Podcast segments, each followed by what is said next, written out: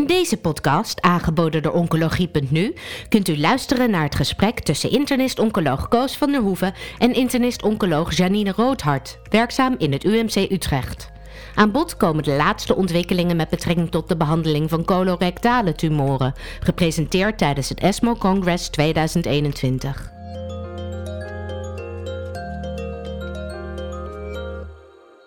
ESMO 2021 Parijs, maar voor de meeste mensen in Nederland, ook voor Janine Roodhart. Janine Roodhart is internist-oncoloog in het UMCU, houdt zich met name met colorectaal carcinoom bezig en met haar ga ik dan ook de highlights op het gebied van colorectaal carcinoom bespreken. Welkom Janine. Ja, bedankt uh, Koos. Dus Janine, wat, wat waren wat jou betreft de highlights bij deze ESMO op het gebied van colorectale tumoren?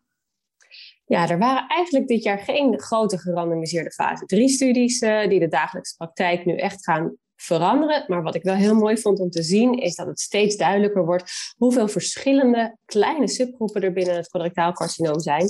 Waar toch echt wel veelbelovende nieuwe behandelingen voor in aantocht zijn. Uh, zoals specifieke KRAS-remmers, R2-gerichte therapie. De Maya-trial, die toch echt laat zien dat we MSS-tumoren misschien wel gevoelig kunnen krijgen voor immuuntherapie. Oké, dus steeds meer personalized medicine, ook bij het colorectale carcinoom. Ik wilde beginnen over de immuuntherapie. We weten dat de checkpoint-remmers bij uh, MSI en bij MS instabiele tumoren heel effectief kan zijn, maar bij de microsatelliet stabiele uh, coloncarcinomen eigenlijk niet. En toch worden de pogingen gedaan om die zogenaamde koude tumoren weer gevoelig te krijgen voor immunotherapie. En een van de studies die gepresenteerd was, was de GONO-studie.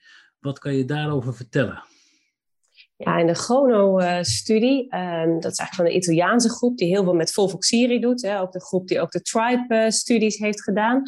Wat ze daarin hebben gedaan is dus voor eerste lijn gemetasteerd colorectaal carcinoom, MSS en MSI-tumoren, gerandomiseerd tussen hun standaard, Volvoxiri, bevacizumab, versus de toevoeging van atezolizumab, dus checkpoint remming, immuuntherapie hierbij. Dus volvoxiri, bevacizumab, atezolizumab. Er zaten MSS en MSI-tumoren in deze studie. Eigenlijk in de verhouding die je in de normale gemetastiseerde populatie ongeveer verwacht. Iets meer MSI-tumoren, 6% was MSI. Nou, wat, wat de gedachte hierachter was, was als je nou intensieve chemotherapie met bevacizumab geeft, dat je misschien die MSS-tumoren wel gevoelig kunt krijgen voor die atezolizumab.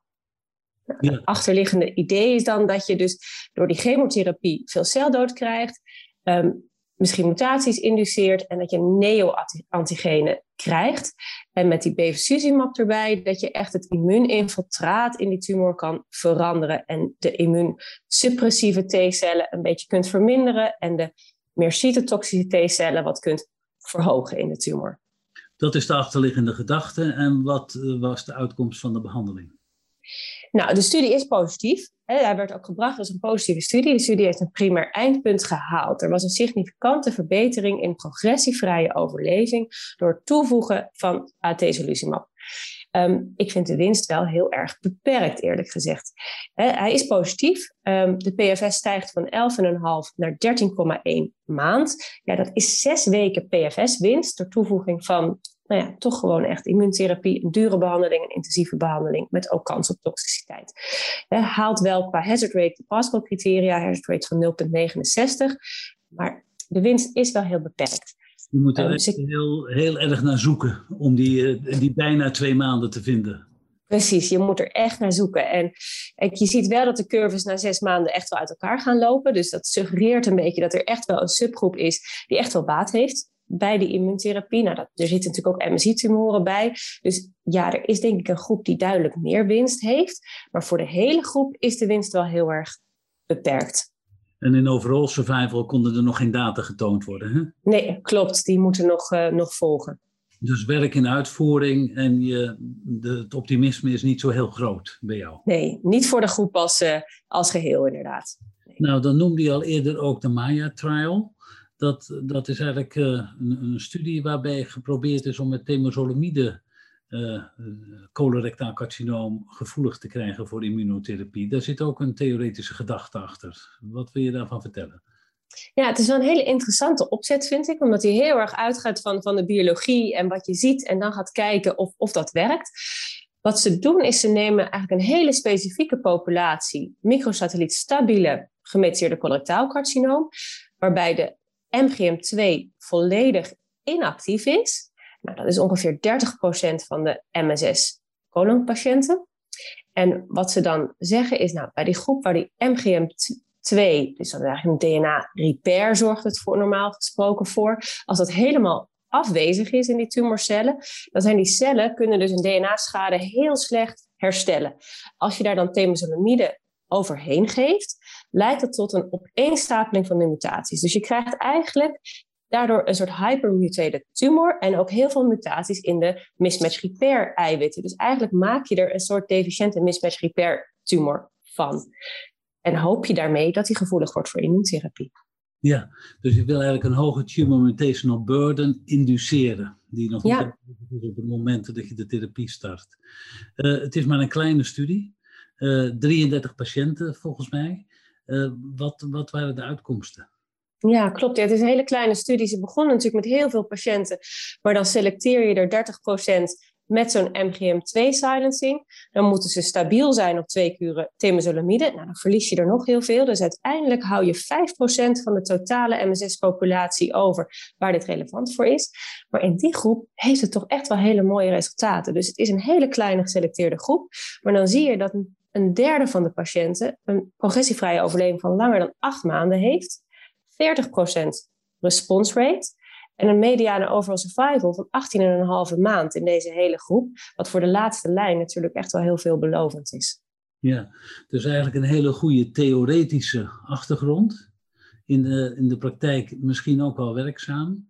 Maar um, nou ja, er moet nog aan gewerkt worden. Het is een... Zeker, nog een hele kleine studie. Dus dat moet in een veel grotere groep en ook gerandomiseerd uh, uitgezocht worden hoe goed dit nou uh, inderdaad is. Maar er, er, zit zeker wel wat in, denk ik. Hypothese genererend. Een van de, de, de mensen die het bediscussieerde zei dat de man die dat onderzoek doet al twintig jaar dit middel aan de man probeert te brengen.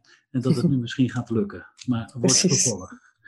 Um, ik wil nog iets eh, met je bespreken over de targeted benadering. En er was eigenlijk één studie die gaat over W1-remmers. En die komt voort uit een, een focus cohort. Zeg je dat iets? Ja, zeker. Ik denk dat de, de Focus 4-studie eh, qua opzet natuurlijk heel, uh, heel erg mooi is. En wat de Focus 4-studie doet, is ze laten de inductiebehandeling voor de eerste lijn gemetastaseerd colorectaal carcinoom eigenlijk helemaal vrij. En patiënten worden geïncludeerd nadat ze 16 weken dubblet chemotherapie of triplet chemotherapie naar keuze hebben gehad. En dan zeggen ze, nou, na die 16 weken gaan mensen vaak de onderhoudsfase in, zoals wij naar Capox B of naar Volvoxiri B ook doen. En in die onderhoudsfase, daar gaan ze eigenlijk nieuwe middelen testen in verschillende baskets op grond van moleculaire profielen. En, hier zien we eigenlijk één arm van de focus, de arm C, die zich richt op de RAS en P53 gemuteerde tumoren de controlegroep is dan altijd een groep die gewoon een wait-and-see policy heeft. Precies, dus absoluut niet onze standaard. wij zouden inderdaad doorgaan met fluorpyrimidine bevacizumab onderhoudbehandeling uh, op basis van de Cairo 3-studie en ook op basis van de TRIBE-studies. Die laten zien dat dat onderhoud echt effectief is. Dus de controlearm is eigenlijk een niet-effectieve arm ja. in ons oogpunt. Nou, uh, is er een groep onderzocht die een, een rasmutatie heeft en ook een uh, TP53-mutatie. Dat is eigenlijk een veel voorkomende combinatie, hè? dat ze allebei gemuteerd zijn. Klopt, ja, dat is een behoorlijk grote, grote groep waar dat relevant voor is, inderdaad. Wat we weten van de mensen die een rasmutatie hebben, dat het geven van panitumumab of cetuximab niet zinvol is. Wat is nou de gedachte om daar een W1-remmer aan te geven? Ja, dit, dit, richt zich eigenlijk weer opnieuw echt op, op dat DNA-herstelcapaciteit. Net als eigenlijk de eerdere studie die we net, uh, net genoemd hebben. Het, het, de achtergrond is dat patiënten met een RAS en een P53-mutatie echt van zichzelf kwetsbaar zijn in hun DNA-herstel. En dus schade aan de celcyclus heel slecht kunnen herstellen. En als je daar een W1-remmer bij geeft, dat die stel echt zijn DNA-schade niet meer kan herstellen. En dat noemen ze dan een mitotic catastrophe. Dus dat, dat als die cel gaat delen, het eigenlijk gewoon helemaal misloopt en de cel in apoptose gaat. Ja, De weerremmer die in eh, deze studie gebruikt werd, dat heet ADO-Vosertip. Uh, het is ook niet een hele grote studie geweest, maar er waren wel resultaten. Wat waren de uitkomsten? Ja, ik denk dat de winst heel erg beperkt is. En er was wel een, een, een verbetering van de PFS. Ehm, die steeg van 1,9 maand naar 3,6 maanden. Dus nou ja, het, het geeft wel enig verbetering. Beide groepen natuurlijk een hele korte PFS, wat denk ik ook weer ondersteunt dat wij patiënten wel een onderhoudsbehandeling geeft. Als je kijkt in de Cairo en de Tribe-studies, is die progressievrije overleving in de maintenance tijd vele malen langer, hè, eerder richting de, een aantal maanden. Um, de groep is dus ook niet onze standaard. Dus ik denk dat het voor ons echt niet zo relevant is. En dat het ook wel heel weinig effectiviteit is. Nog geen twee maanden verlenging van een PFS. Er werd ook geen ja, één respons gezien. Dus ik denk dat het niet zo'n hele effectieve combinatie is, eerlijk gezegd. Dus wel interessant, omdat er naar de theoretische achtergrond gekeken werd. Hypothese genereren. Maar de effecten moest je echt met een lantaarn zoeken. Absoluut. En ik denk dat vooral de, opzet van Focus 4 interessant is, hè, om nieuwe middelen wat vroeger in de gemetastaseerde setting te kunnen onderzoeken. Dus dat vind ik er heel interessant aan. Maar inderdaad, deze combinatie, dat uh, effectiviteit is heel minimaal. Dan wil ik met je praten over de KRAS-mutatie. Ik zei net al, dat, dat komt bij ongeveer de helft van de patiënten voor. We geven deze mensen geen cetuximab of panitumumab omdat dat niet werkt. Uh, eh, KRAS-gemuteerde patiënten waren moeilijk te behandelen, maar er zijn KRAS-remmers, zowel voor longkanker als voor coloncarcinoom en ook voor andere tumoren. En er werd nu een studie gepresenteerd uh, met een medicament dat gericht was tegen een KRAS G12-mutatie. Dat was een zogenaamde Crystal-studie. En ja, daar werd eigenlijk ook gekeken of als je dat middel gaf, en je gaf dan toch cetuximab, dat de cetuximab dan toch weer effectief zou kunnen zijn. Wil je dat nog eens verder toelichten? Ja, zeker. Ja. Ook dit is echt weer voor een hele selecte groep patiënten. Zo'n 3 tot 5 procent van de patiënten met een gemetastaseerd colorectaal carcinoom heeft zo'n KRAS G12C-mutatie. Dus daar moeten we echt naar, naar zoeken, zeg maar. Maar het is wel inderdaad een hele interessante mutatie. Bij longkanker komt die veel vaker voor. Is het echt een veel voorkomende mutatie, ook roken geassocieerd. Ehm, en daar zijn die KRAS G12C-remmers ook veel effectiever. Eigenlijk zoals we ook voor BRAF-therapie zien, eigenlijk zoals we voor meerdere behandelingen zien, dat het bij colon lastig is om die ene route te remmen. En dat je bij coloncarcinoom toch snel meerdere pathways tegelijk moet remmen. Dat zie je hier ook weer terug. En dat is ook eigenlijk de achterliggende gedachte. Er is wel effectiviteit van die KRAS G12C-remmer alleen. Ja, ook een response rate van 22% in de monoarm. Maar je ziet als je er cetuximab aan toevoegt, dan gaat die response rate naar 43% in de laatste lijn. Dus echt een behoorlijke verbetering door die combinatie. En je ziet dat ook al rem je KRAS het kennelijk toch nog steeds een meerwaarde heeft om die EGFR-receptor daarbovenop te remmen en het nog stiller te leggen, omdat het meerdere ja, signaalroutes naar beneden afgeeft en je bij coloncarcinoom ze beide moet remmen. Je gaf al aan 43% in de laatste lijn, dat is eigenlijk heel hoog. Uh, wat is het vervolg hiervan? Ja, dat, dat is ontzettend hoog. Hè? Met ook een disease control rate van 100%. Dus dat betekent dat alle patiënten stabiele ziekte of beter hadden voor een langere termijn. Nog hele vroege data. Hè? De PFS is nog niet eens te beoordelen. Al deze patiënten zitten gewoon nog in de studie. Op basis van deze mooie resultaten is wel al besloten om een gerandomiseerde fase 3 te doen in de tweede lijn, waarin dus gerandomiseerd gaat worden tussen standaard dubbele chemotherapie versus de KRAS G12C-remmer met cetuximab. Uh, die studie gaat ook in Nederland lopen. Dus het is echt iets waar we bij onze patiënten naar moeten gaan kijken. Je gaf al even aan die KRAS G12, dat is maar een 3 of 4 procent van de patiënten. Wordt dat altijd gerapporteerd als een arts aanvraagt of er een KRAS-mutatie is? Nou ja, het, het type KRAS-mutatie wordt Ehm, bij ons in ieder geval, en ik denk in de meeste ziekenhuizen wel gerapporteerd. Alleen niet altijd op deze manier. Soms staat er welk exon, soms staat er welke plek de mutatie zit. En dat moet je dan dus zelf eigenlijk vertalen naar, oké, hiermee bedoelen ze dus dat het een KRAS G12C is. Dus dat zal in de rapportage inderdaad echt wel moeten veranderen. Dat we dit veel explicieter erbij gaan vermelden. En dat je als oncoloog ook realiseert dat de ene rasmutatie de andere niet is. En dat je echt moet gaan kijken welke rasmutatie jouw patiënt heeft. omdat het behandelconsequenties gaat hebben. Dus al vanaf de tweede lijn in Nederland, omdat die studie er komt. Ja, want dit is niet de enige KRAS G12C-remmer, er zijn er meerdere. Dus er gaan ook meerdere studies lopen vanaf de tweede lijn hiervoor. Dus een goede duiding bij het rapport is wel erg belangrijk om de patiënten te selecteren voor studies op dit moment, maar misschien ook in de toekomst ook wel voor zinvolle behandelingen. Ja, absoluut. Ik wil met je overstappen naar de lokale behandeling van levermetastase. Dat doen wij eigenlijk al heel lang. En er, uh, ja, er is steeds weer de vraag of dat nog beter kan. Nou, maar er eigenlijk twee studies die hierbij van belang waren bij de ESMO. De een, dat is echt een chirurgische. Of het wat uitmaakt of je die levermetastase laparoscopisch verwijdert of met een open ingreep doet. Jij bent internist-oncoloog, maar misschien wil je er toch iets over zeggen. ja, het is inderdaad echt een chirurgische studie. Uh, denk ik op zich heel mooi dat ze een nieuwe chirurgische uh, techniek, of inmiddels misschien niet eens zo heel nieuw meer, maar uh, dat ze die, die laparoscopische techniek gerandomiseerd hebben uitgezocht wat daar nou de winst van is tegen een open procedure. En ze hebben daarin denk ik een heel klinisch relevant eindpunt gekozen. Ze hebben gewoon gekeken, zorgt een laparoscopische operatie er nou voor dat patiënten gewoon sneller herstellen? En dat, dat is het primair eindpunt van de studie Time to Functional Recovery. Wat ze inderdaad zien is dat patiënten na een laparoscopische hemihepatectomie één dag eerder functioneel hersteld waren dan na een open hemihepatectomie en ook één dag eerder het ziekenhuis konden verlaten. Ja. Ehm, qua complicaties exact gelijk, oncologische uitkomsten exact gelijk.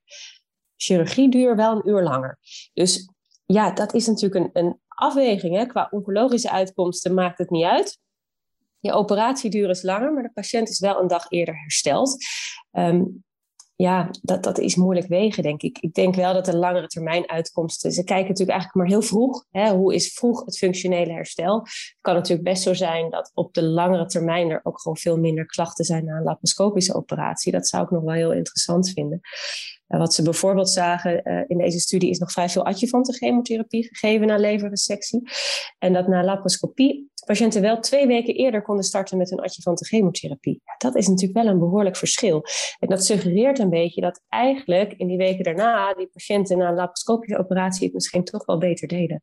Ja, maar de, de, de duiding moeten we voorlopig denk ik maar even aan de chirurgen overlaten. Absoluut, zeker. waar we meer verstand van hebben, denk ik als internist-oncologen, dat is aan, uh, de, over de systemische behandeling. Er was een studie over radioembolisatie. Uh, als onderdeel van de behandeling van gemetastaseerd uh, coloncarcinoom in de lever een bijdrage levert aan, aan systemische chemotherapie. Ja, klopt. Dat is de, de EPOCH-studie. Daar hebben ze in de tweede lijn liver-only patiënten gerandomiseerd tussen standaard tweede lijns chemotherapie, over het algemeen dubbele chemotherapie met of zonder targeted therapie naar keuze, versus diezelfde chemotherapie naar keuze Um, dus dat werd echt vrijgelaten in de studie.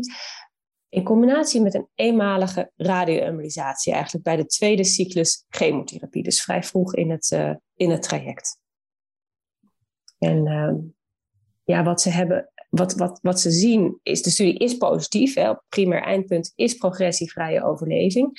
Acht maanden met radioembolisatie versus 7,2 maanden zonder radioembolisatie ja, dat is nog niet eens een maand verschil. Hè? Dat, is, uh, dat is drie weken verschil met wel toch een, een intensieve behandeling erbij, kostbare behandeling erbij.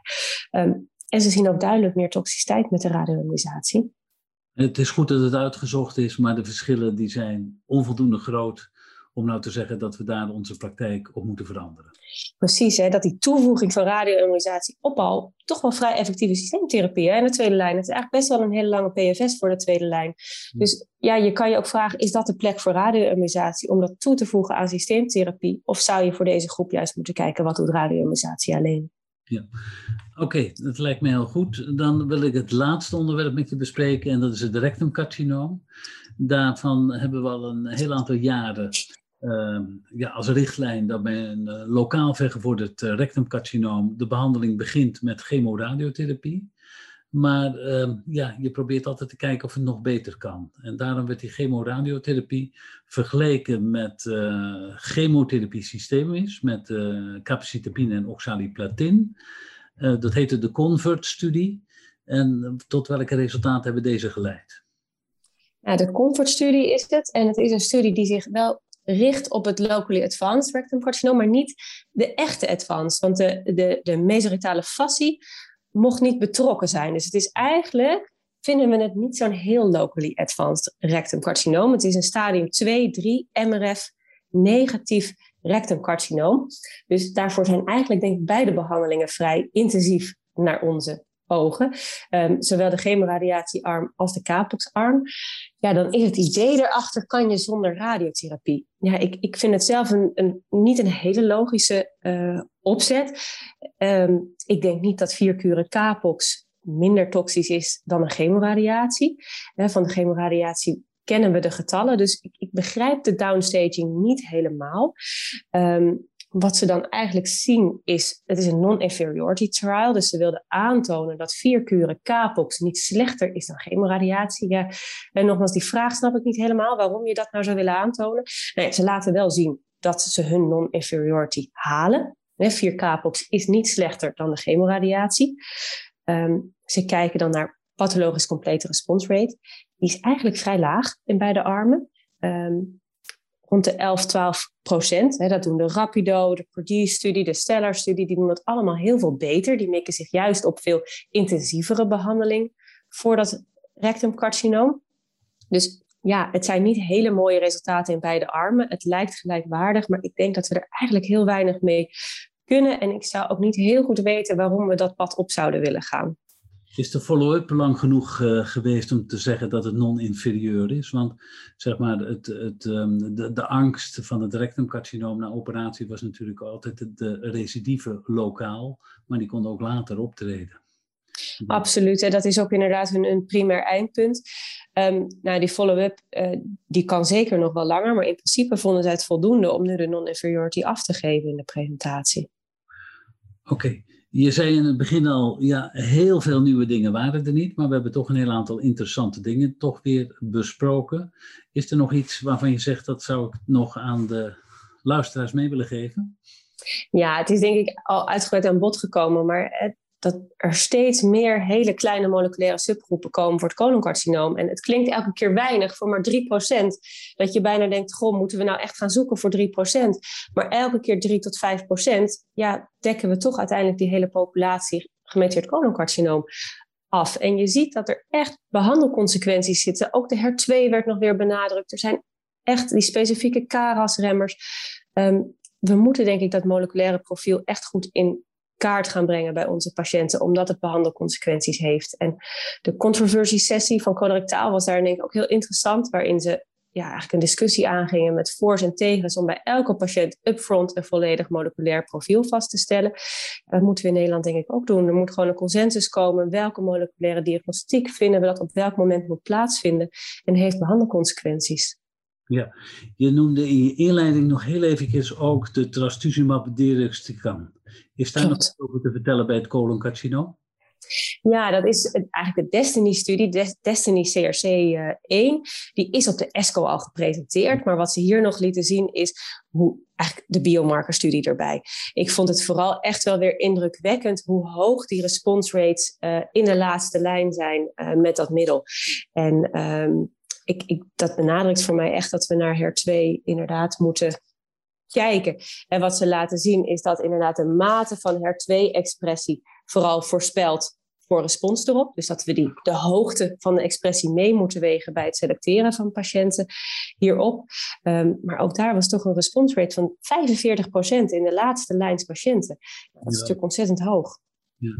En ook hiervan zou je eigenlijk graag aan het begin van de behandeling van gemetastaseerde ziekte weten of dat een optie voor een patiënt zou kunnen zijn. Ja, en daarbij HER2 is denk ik de vraag, moet je het aan het begin weten of moet je het bijvoorbeeld na de eerste lijn of na je EGFR-therapie weten? En wat we ook zien dat HER2 kan ontstaan onder druk van EGFR-remming. Dus wij kijken er juist vaak opnieuw naar bij resistentie tegen je EGFR-remming. Dus voor HER2 is denk ik voor beide wat te zeggen. Om het aan het begin te doen, maar ook juist om er verderop in de ziekte naar te kijken. Oké, nou een mooie afsluiting. Dank je wel voor de informatie en graag tot de volgende keer. Dank je wel. Ja, bedankt. Bent u geïnteresseerd in meer podcasts? Deze zijn te vinden op de website oncologie.nu.